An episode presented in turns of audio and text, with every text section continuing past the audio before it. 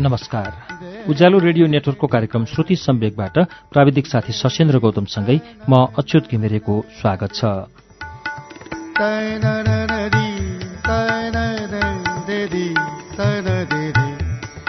श्रुति सम्वेकको आजको श्रृङ्खलामा पनि हामी एरिका ल्युक्ट्याकको पुस्तक त्रिभुवनकी एरिका लिएर आइपुगेका छौं। हामीले त्रिभुवनकी एरिका पुस्तकको आठौं श्रृङ्खला गएको साता वाचन सुन्यौं। एक सय बाह्र पृष्ठसम्म यो उपन्यासको वाचन सुनिसकिएको छ। यसलाई नेपालीमा सरोज मिश्रले अनुवाद गर्नुभएको छ। मूल कृतिको नाम एरिका एन्ड द किङ हो र यो त्रिभुवनको समयमा जो त्रिभुवनको महारानीको फिजियोथेरापी गर्न आएकी थिइन् एरिका। उनीले लेखेको डायरीको नेपाली अनुवाद हो। एरिका ल्युक्ट्याकको पुस्तक त्रिभुवनकी एरिकाको नौ श्रृङ्खला अब वाचन सुरु हुन्छ पृष्ठ एक सय तेह्रबाट।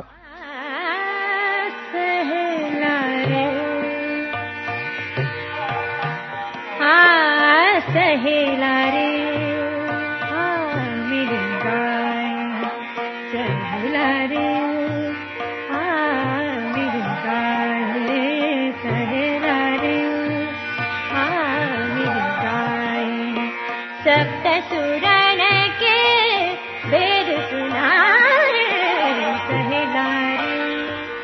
केही दरबारी सभाहरूमा सहभागी भएँ।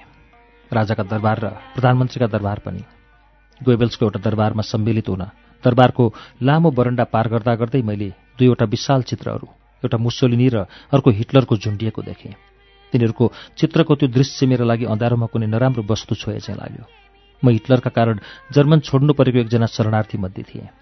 क्यानभास र चित्रबाट कटाक्ष भावमा मलाई घुरिरहेको चाहिँ लाग्ने त्यो दृश्यले मलाई निकै दिनसम्म बिथुलिरह्यो। मैले त्यस्ता दरबारहरू कतिपय अवस्थामा मन पराएँ भने कतिपय अवस्थामा घृणा गरेँ। मेरा ती घृणाभाव मेरा अङ्गरक्षकप्रति पनि बज्रिन्थ्यो ती अङ्गरक्षक स्त्री नगरेको पोसाक लगाउने पेटी र पित्तलमा पालिस नलगाउने फोरी व्यक्ति थिए। मलाई लाग्थ्यो कि यदि राणाहरूले मसँग एउटा जासुस लगाउने नै नियत राखेको भए उनीहरूले केही हदसम्म स्वाभिमान भएका व्यक्तिलाई नियुक्त गर्नुपर्दथ्यो एउटा दरबारमा सम्मिलित हुनुअघि मैले उनलाई भने यदि तिमी मसँग यही हालतमा दरबार जाने सोच्दैछौ भने गलत सोच्दैछौ। कपाल काटेर आऊ। टाँकहरू सफा गर र पोसाकमा स्त्री लगाऊ। मेम साहेब दुःखी हुँदै उनले भने पैसा छैन पालिस पनि छैन। मैले तिनलाई केही पैसा दिएँ र त्यो एकपटक चाहिँ उनका पेटी र टाँकका धातुहरू एउटा सच्चा सैनिकको चाहिँ चम्किएको थियो। मैले लख काटेँ। त्यो जवानमा देखिएको परिवर्तनका बारेमा राणाहरूको ध्यान गयो होला।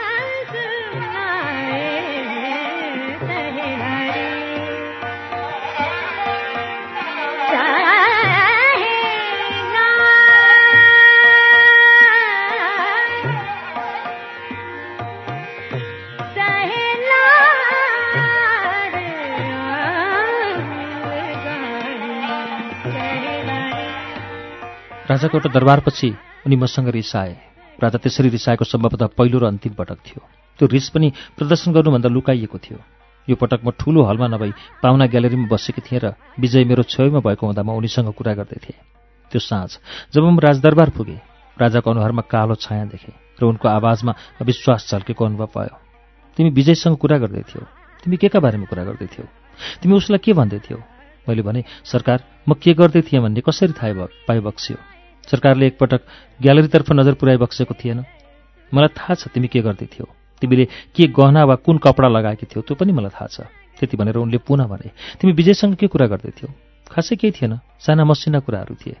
विजयसँगको मेरो वार्तालाप महत्त्वहीन थियो भन्ने कुरा उनलाई बुझाउन मलाई केही दिन लाग्यो। त्यो घटनाभन्दा अघि मैले नबुझेको भए पनि त्यसपछि चाहिँ राजाको भावना कति शङ्कालु रहेछ भन्ने तथ्य मैले राम्ररी बुझेँ। केही दिन उनले मसँग थोरै समय मात्र बिताए। मानौ कि जानी जानी उनी मलाई सजाय दिँदैछन्। त्यो अवधिमा म ह्याप्पी कटेजमा घन्टौँ समय नलिनी भारती र विजयासँग बिताउँथेँ।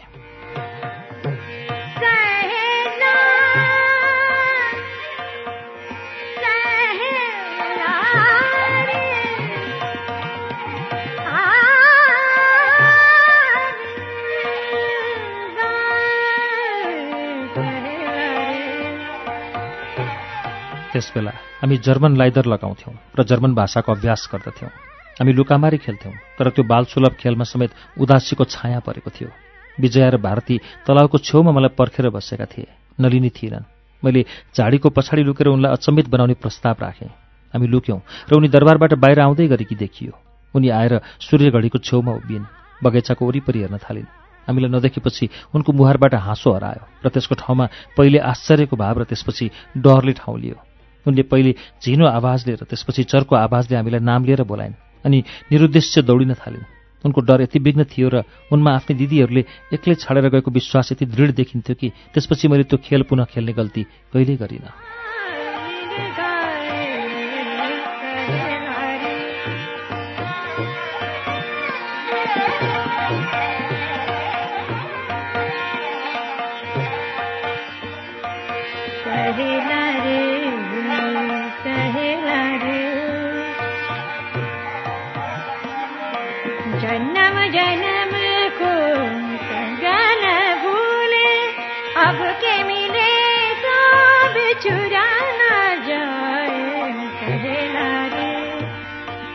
अन्ततः राजा त्रिभुवनको शङ्का हरायो र उनी पुनः नरम र भद्र हुन थाले। सधैँ चाहिँ उदासीको ऐठनपछि उनीमा केटौली उत्ताउलोपन देखियो। उनी मलाई आश्चर्यचकित तुल्याएर आनन्दित हुने क्रियामा व्यस्त हुन थाले। मैले आफू सम्मिलित भएको पाटियालाको भारतीय दरबारका बारेमा बताएँ। मैले एक कान छोपिने गरी लगाइने फित्ता मध्यभागमा भएको जवाहरातको बीचबाट उठेको कल्की र महाराजहरूको भव्य पोसाकका बारेमा बताएँ। घुँडासम्म पुग्ने टल्किने लामो माथिसम्म उठेको गलबन्दी लामो बाहुला सुनले कुदेको पेटी र हिराजडित छुरा भिरेको भारतीय अचकनका बारेमा बताएँ। मैले केटाकेटी पारामा भने नेपालका महान राजाको दराजमा यस प्रकारको भव्य पोसाक नभएको होला। एउटा पन्जाबी राजकुमारभन्दा कम भव्य भएकोमा दुःख प्रकट गरे झैँ उनले सुस्तरी टाउको हल्लाए।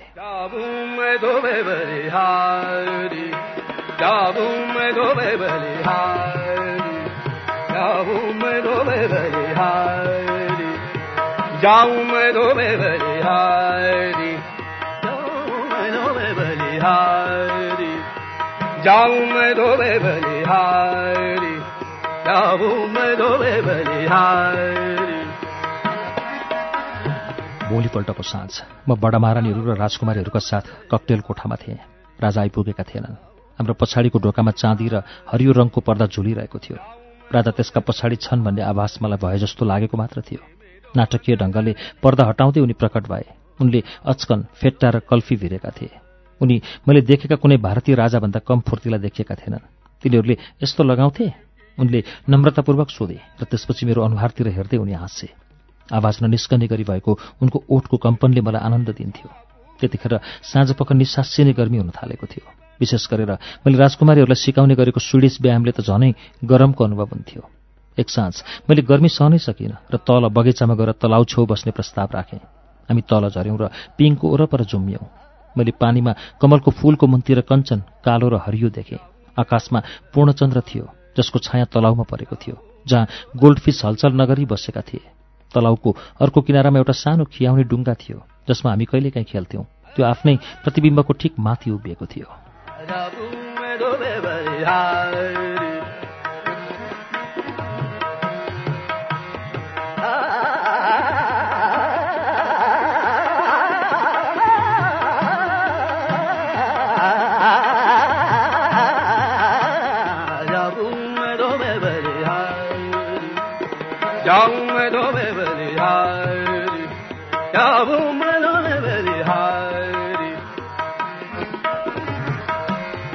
एक्कासी मैले भने म पौडिन चाहन्छु।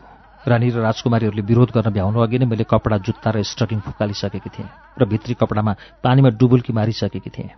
मेरो डुबुल्कीले शान्त पानीको सतहमा खलबली मचियो डुङ्गा हल्लियो कमलका पातहरू हल्लिए र गोल्डफिसहरू भागाभाग भए। म उत्तानो परेर माथि आकाशतर्फ हेर्न थालेर त्यति नै बेला बडा महारानीहरू र राजकुमारीहरूको उत्तेजित चिरबिरी आवाज सुने।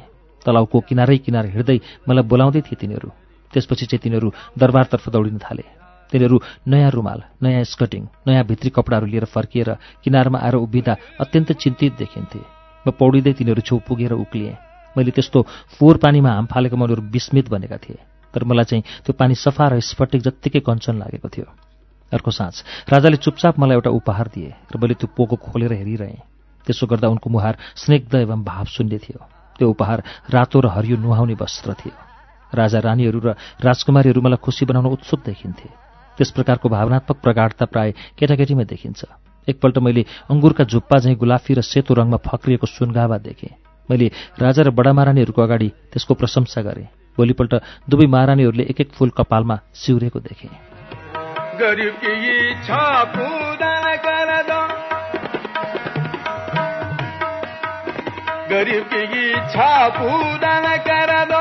तुम तो गरीब जाऊँ मैं धोबे बलिहारी। जाऊँ मैं धोबे बलिहारी।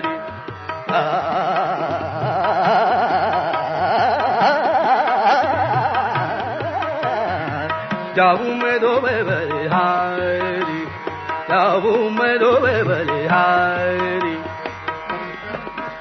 यिनीहरूको भद्र उत्साहलाई बढाउन मेरो सामान्य टिप्पणी नै काफी हुन्थ्यो।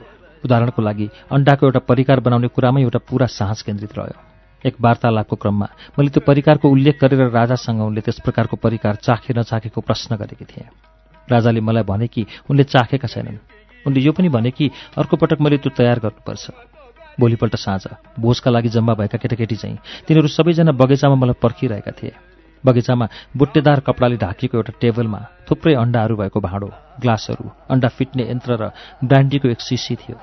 त्यो परिकार तयार गर्दा राजा टाउको झुकाएर ध्यानपूर्वक हेर्दै थिए भने बडा महारानीहरू चाहिँ अत्यन्तै ध्यानमग्न मुद्रामा थिए। कुनै धार्मिक अनुष्ठान भइरहे जत्तिकै शान्त वातावरण थियो। मैले राजपरिवारलाई आफ्नो फूल टिप्ने र सजाउने सोखका बारेमा बताएकी थिएँ। त्यसै कारण राजाले मसँग उनका लागि त्यो काम गरिदिन आग्रह गरे। ह्याप्पी कटेजमा केही काम पनि स्वस्फूर्त रूपमा सम्पन्न हुँदैन थियो। राजाले कसैलाई आश्चर्यचकित बनाउने उद्देश्यले आफैले कुनै काम गर्ने अवस्थामा बाहेक सबै काम केही दिन वा समय पछाडि मेहनतपूर्वक तय गरिन्थ्यो। त्यसै अनुरूप मिस एरिकाको फूल टिप्ने कामका लागि एक साँझ निश्चित गरियो।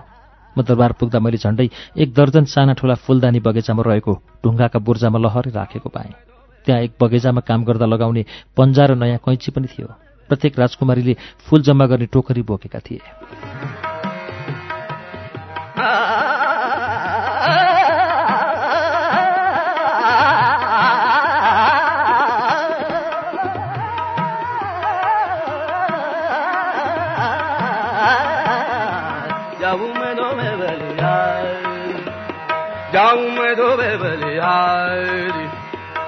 मेरो मन गन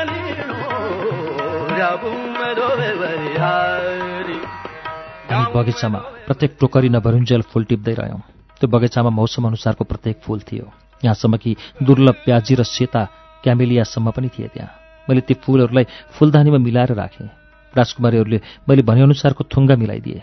शयन कक्षका लागि मैले ठूलो फुलदानीमा गुलाफका विभिन्न रङ सजाइदिएँ। झण्डै चालिस थुङ्गा विभिन्न रङका गुलाफको त्यो अजङ्गको फुलदानी तयार गरिएको थियो। जब राजाले त्यो देखे उनी नजिकै आएर दुवै हात जोड्दै त्यसतर्फ झुकिए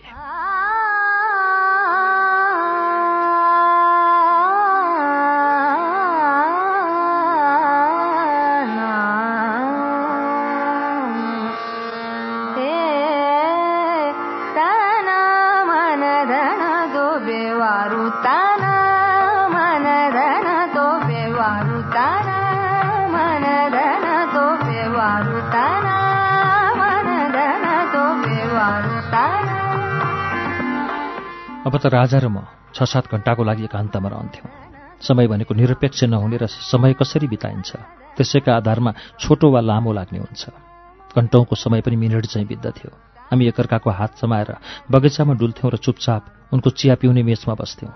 यति गरम हुन्थ्यो हावा स्थिर हुन्थ्यो जुनको प्रकाश कहिलेकाहीँ त धेरै चहकिलो हुन्थ्यो। बगैँचामा फुलेका फुल अँध्यारोमा पनि राम्ररी देख्न सकिन्थ्यो।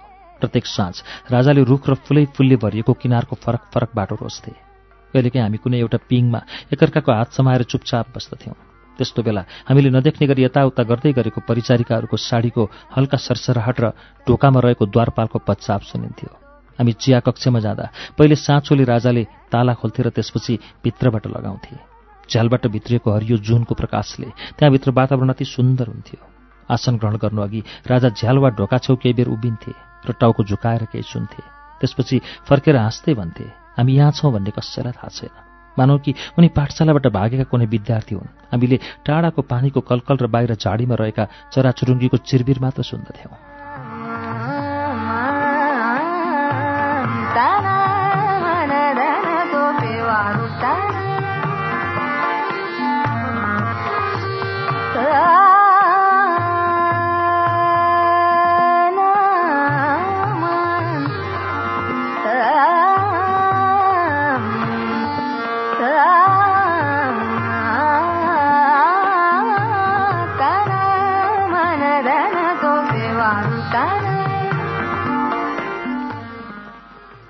त्यहाँ राजा अत्यन्तै खुसी हुन्थे र हामीसँग कुराकानीका धेरै विषयहरू हुन्थे।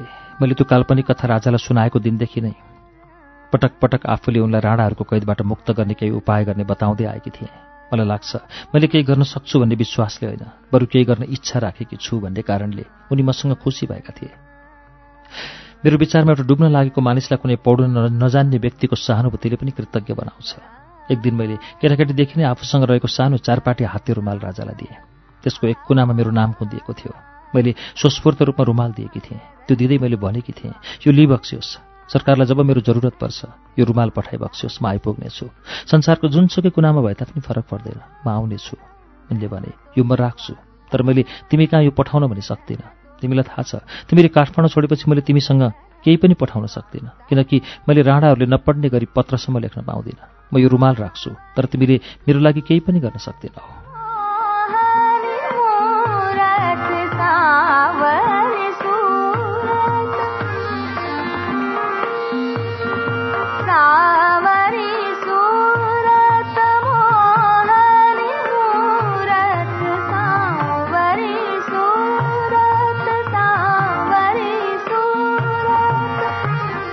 बेलाको उनको भनाइ एकदम ठिक थियो। म पृथ्वीभन्दा माथिको शून्यतामा अड्किएको थिएँ। म राजा र राजपरिवारसँग नजिकै थिएँ तर त्यसभन्दा बाहेक नेपालको बारेमा केही थाहा थिएन। मलाई राजाको उदासीपन र निराशाका बारेमा ज्ञान थियो।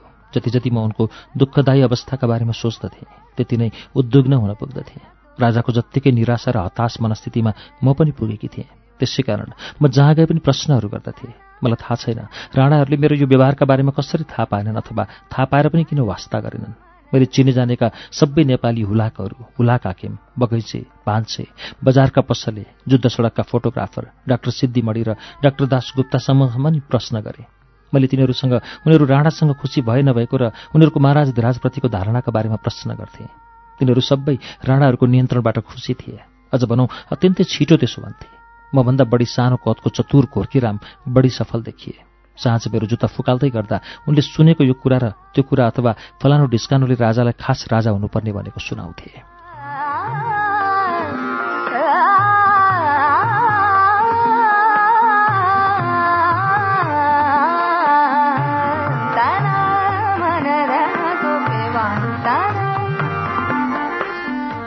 मैले यो खबर दरबारमा पुर्याएँ।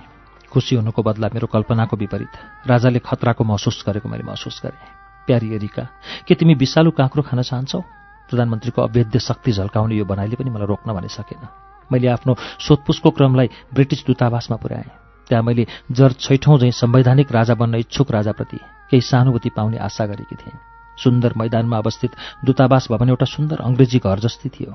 हरियो घाँस र बाक्ला झाडीका पछाडि रहेका दूतावासमा आइतबारको दिन टेनिस बलको टकटक र चियाका कपका टिनटिन सुनिन्थ्यो। त्यहाँका महिला एवं पुरुषहरू भद्र र शिष्ट थिए तर तिनीहरूलाई राजाका बारेमा केही थाहा थिएन र त्यसबारेमा उनीहरूमा थोरै जिज्ञासा पनि थिएन।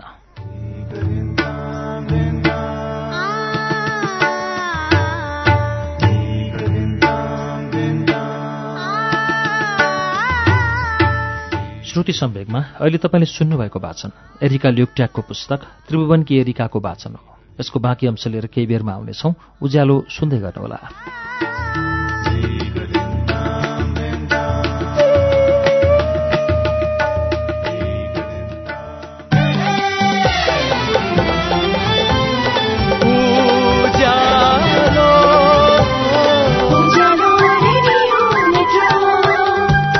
सीधा कुरा प्रश्न विचार। Ujyaalo radio network.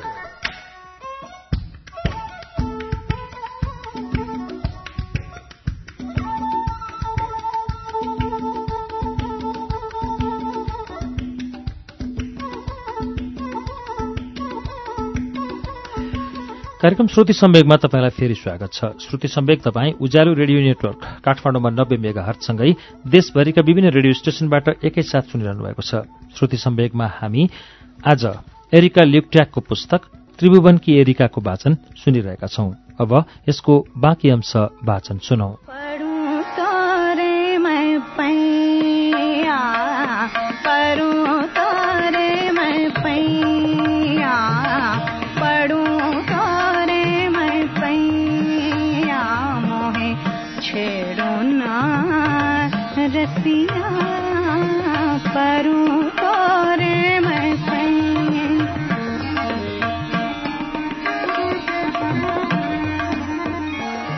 दूतावासका महिलाहरूका लागि राजा दरबारको अन्तपुरमा बसेर समय बिताउने फुर्तिलो गोरो आकृति मात्र थिए। बेलायती दूतावासका पुरुषहरूका लागि भने स्वाभाविक रूपमा नेपाली राजनीतिको यथार्थ राजाका आकाङ्क्षाभन्दा महत्त्वपूर्ण थियो। राणाहरूले मुलुकमा शासन गर्दथे। ब्रिटिस राजाको विरुद्ध उठेको विद्रोह दबाउन राणाहरूले मद्दत गरेका थिए।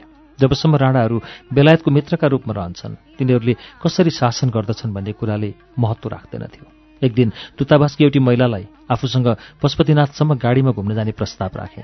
त्यसपछि भने अङ्ग्रेजहरूबीच राजाप्रति सहानुभूति जगाउने आशा मैले छोडेँ। मलाई थाहा थियो त्यो प्रस्ताव मैले राजाका बारेमा केही कुरा गर्न सकिन्छ कि भनेर मात्र उनका सामु राखेकी थिएँ। पशुपतिनाथ उनले भनिन् कृपया अन्यथा नमान्नुहोला म जान सक्दिनँ। निस्सन्देह दुर्गन्धले भरिएको ठाउँ हो त्यो होइन र? जेठी बडा महारानीलाई चिकित्सा प्रतिवेदनको आधारमा मुलुक बाहिर लैजाने मेरो प्रयास पुरै असफल भइसकेको थियो। त्यसपछि मैले सोचेँ कि म आफै भारत फर्केपछि पण्डित नेहरूलाई भेटेर राजाको कैदी जीवन र आकाङ्क्षाका बारेमा कुरा गर्नेछु।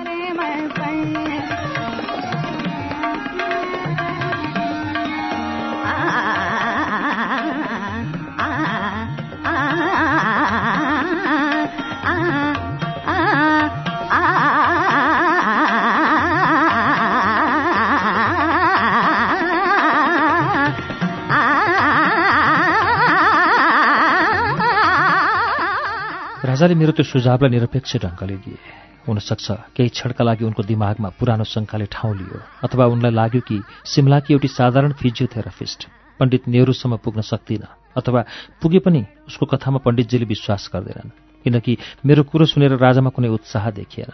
जे होस् म आफैले कुनै सकारात्मक पाइला चाल्नुपर्छ भन्ने विचारले भयानक रूप लिँदै गयो जब त्यो विचारले एउटा ठोस रूप लियो त्यो स्वाभाविक र तर्कसङ्गत लाग्न थाल्यो राजालाई समेत। पहिलोपल्ट राजाको मुहारमा आशाको किरण देखियो।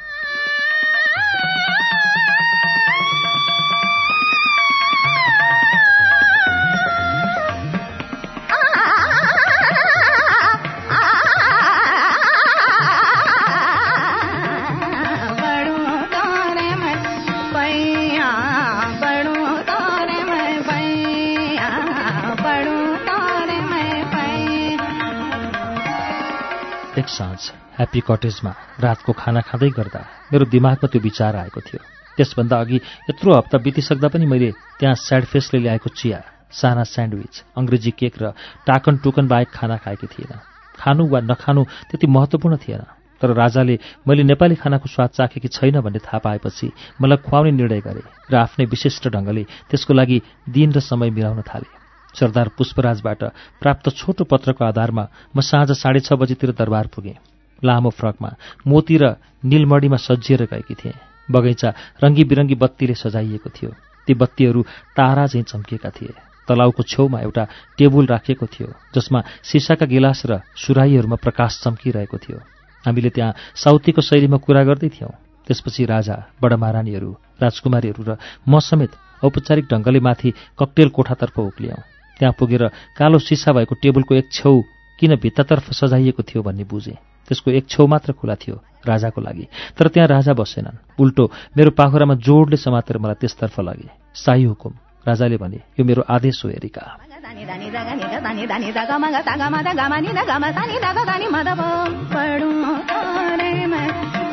प तागा मदा पा तागा ग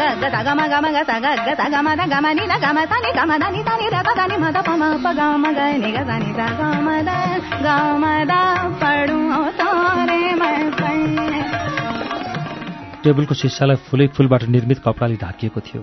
कल्पना गर्न सकिने सबै खाले रङले फूलका पत्ताहरू एकमाथि अर्को गरेर बहुतै मेहनतका साथ राखिएको थियो।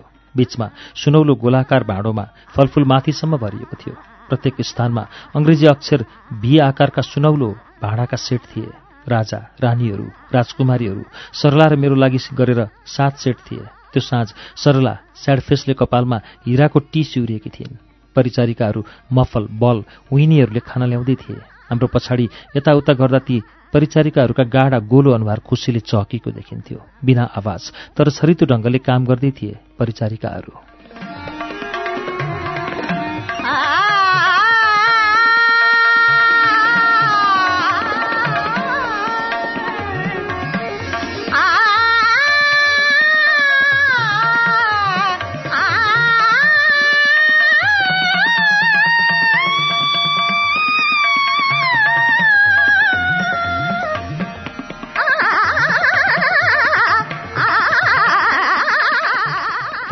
अचार सबै नेपाली थिए। मैले भारतमा खाएको भन्दा धेरै तिखर। खाना सकिएपछि मुख शुद्धिको लागि पान ल्याइयो। तर यो पान भने मैले कहिल्यै देखेकी थिइनँ।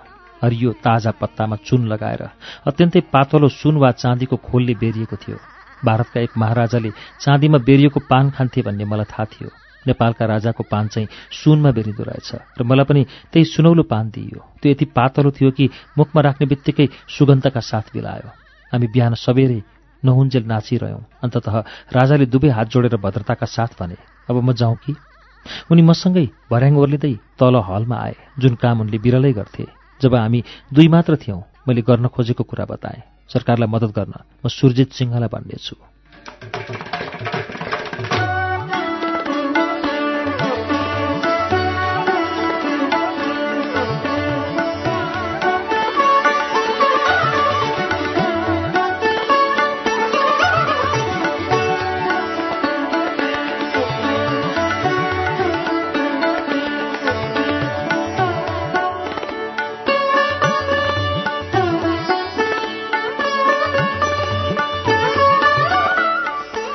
नेपालका लागि। भारतीय राजदूत सुरजित सिंह मजिथिवा वैभवशाली धनाढ्य परिवारका सिख थिए र उनी पटियालाका महाराजका प्रिय पात्र थिए। सिखहरू उत्तर भारतका अत्यन्तै खुला हृदयका लडाकु जात हुन्। तिनीहरूका लागि वीरता साहस न्याय र सम्मान जीवनका मुख्य आधार हुन्। मैले यस्तो कुनै सिख भेटेकी छैन। जसप्रति ममा आदर भाव नजागेको होस् र तीमध्येमा सुरजितप्रति मेरो विशेष सम्मान थियो। मैले उनलाई पटियालाका दरबारमा युद्धपछिका दिनहरूमा भेटेकी थिएँ। तर काठमाडौँ पुग्दा उनी राजदूत छन् भन्ने कुराको थोरै पनि ज्ञान थिएन मलाई। नेपाल पुगेर केही दिनमै मैले आफूलाई चिनाउने शिष्टाचार पालना गर्ने उद्देश्यले भारतीय दूतावास गएकी थिएँ। उन्नाइस सय उन्चासमा दूतावास सहरको दक्षिणी भागमा अवस्थित रुखै रुखको बीचमा सेतो घरमा थियो। त्यो शान्त र सौम्य भवनमा घुमाउरो बारदलीहरू अग्ला झ्यालहरू र लगातार चलिरहेको पङ्खाका कारण कोठाहरू शीतल थिए। सुरजितको कार्यालय पहिलो तल्लामा थियो। हरियो रङ पोतेको त्यो कोठाको ठूलो टेबल पछाडि उनी बसेका थिए। मलाई अभिवादन गर्न उनी उठे र मैले उनको मुठ्ठा पारिएको दारी र फेटा मात्र देखेँ। मैले झुकेर अभिवादन गरेँ। सत श्री अकाल फगत ईश्वर मात्र सत्य हो। मैले परम्परागत सिख शैलीमा भने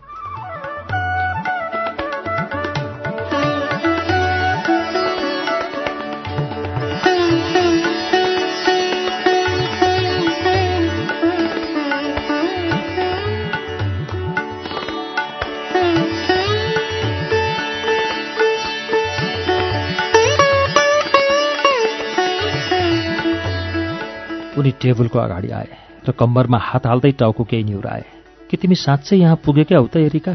तिमीले मलाई चिनिनौ? अब पनि मैले उनलाई देखेँ र निश्चित रूपमा मैले उनलाई सम्झेँ। महाराजको दरबारमा उनको न्यानो मित्रवत व्यवहार र उनकी मोटी तर फरासिली श्रीमतीलाई मैले बिर्सने कुरै थिएन। महामहिम मैले भने कृपया मलाई माफ गर्नुहोस्। उनले दुवै हात मेरो कुममा राखे। मानौ उनी मलाई हल्लाउन चाहन्छन्। म तिमीलाई अवश्य माफी दिन्छु। तर तिमीले महामहिम चक्कर छोड। बस र तिमी यहाँ के गर्दैछौ भन तिमी काठमाडौँमा छौ भनेर मैले धेरै दिन पहिले थाहा पाएको हुँ। र तिमीले मलाई किन भेट्न आएनौ भनेर अचम्म मान्दै थिएँ।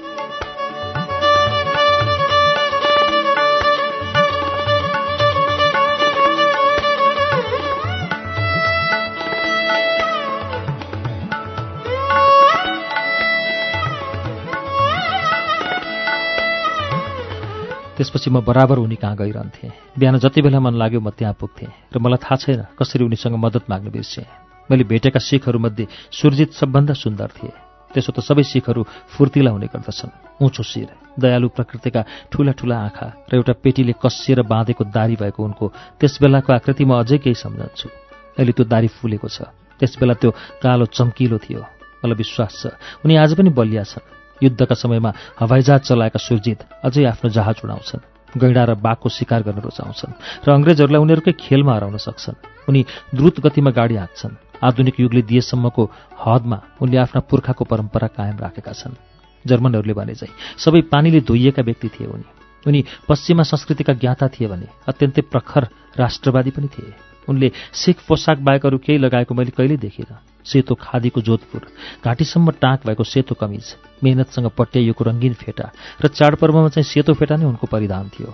उनीसँग अद्वितीय पुरुषत्व झल्कन्थ्यो जुन मैले राजा त्रिभुवनमा मात्र पाएकी छु।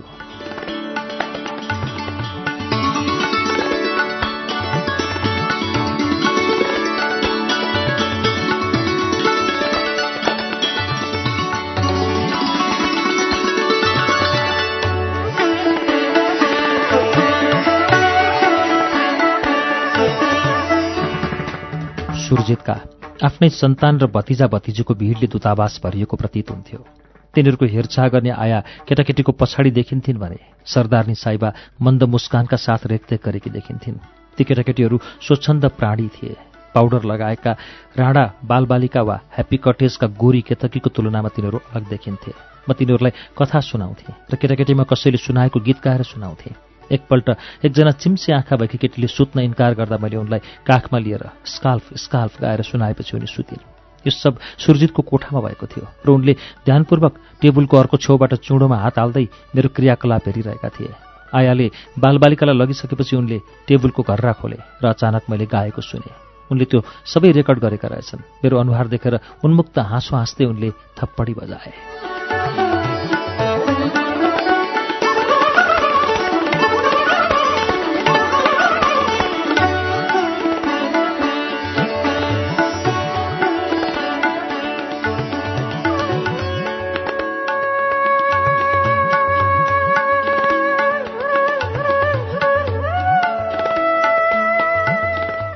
यस प्रकारको विद्युतीय उपकरणहरूप्रति ठूलो चाख थियो।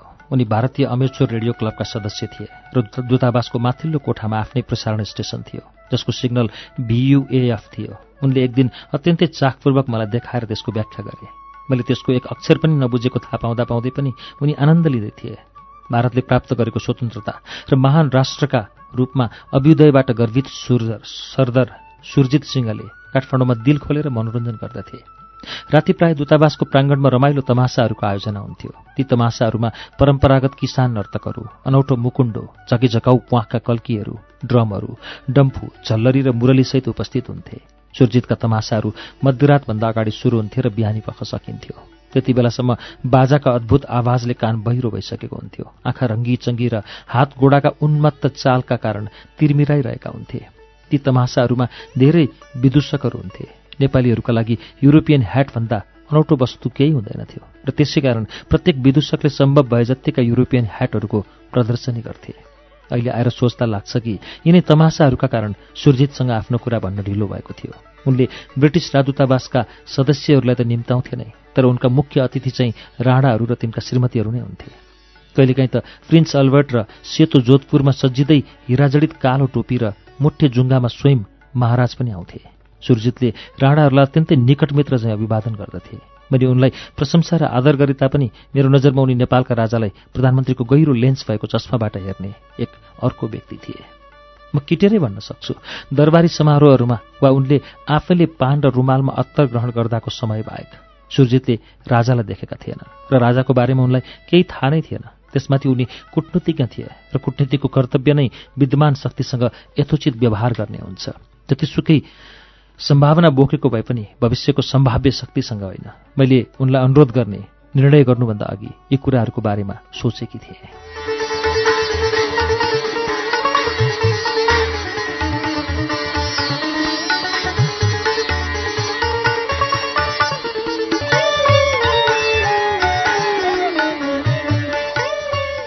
त्रिभुवनकी एरिकाको नौ श्रृङ्खला आज हामीले पृष्ठ एक सय पच्चिसमा ल्याएर रोकेका छौं। एरिका लियोट्याकको पुस्तक त्रिभुवनकी एरिका जसलाई नेपालीमा सरोज मिश्रले अनुवाद गर्नुभएको छ। तपाईँलाई यसको वाचन कस्तो लाग्दैछ हामीलाई प्रतिक्रिया दिनुहोला। हाम्रो ठेगाना S H R U T I Shruti at U N N dot com dot NP हवस् त।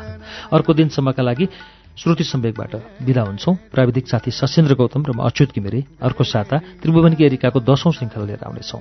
नमस्कार शुभरात्री। तै न न न दी, तै न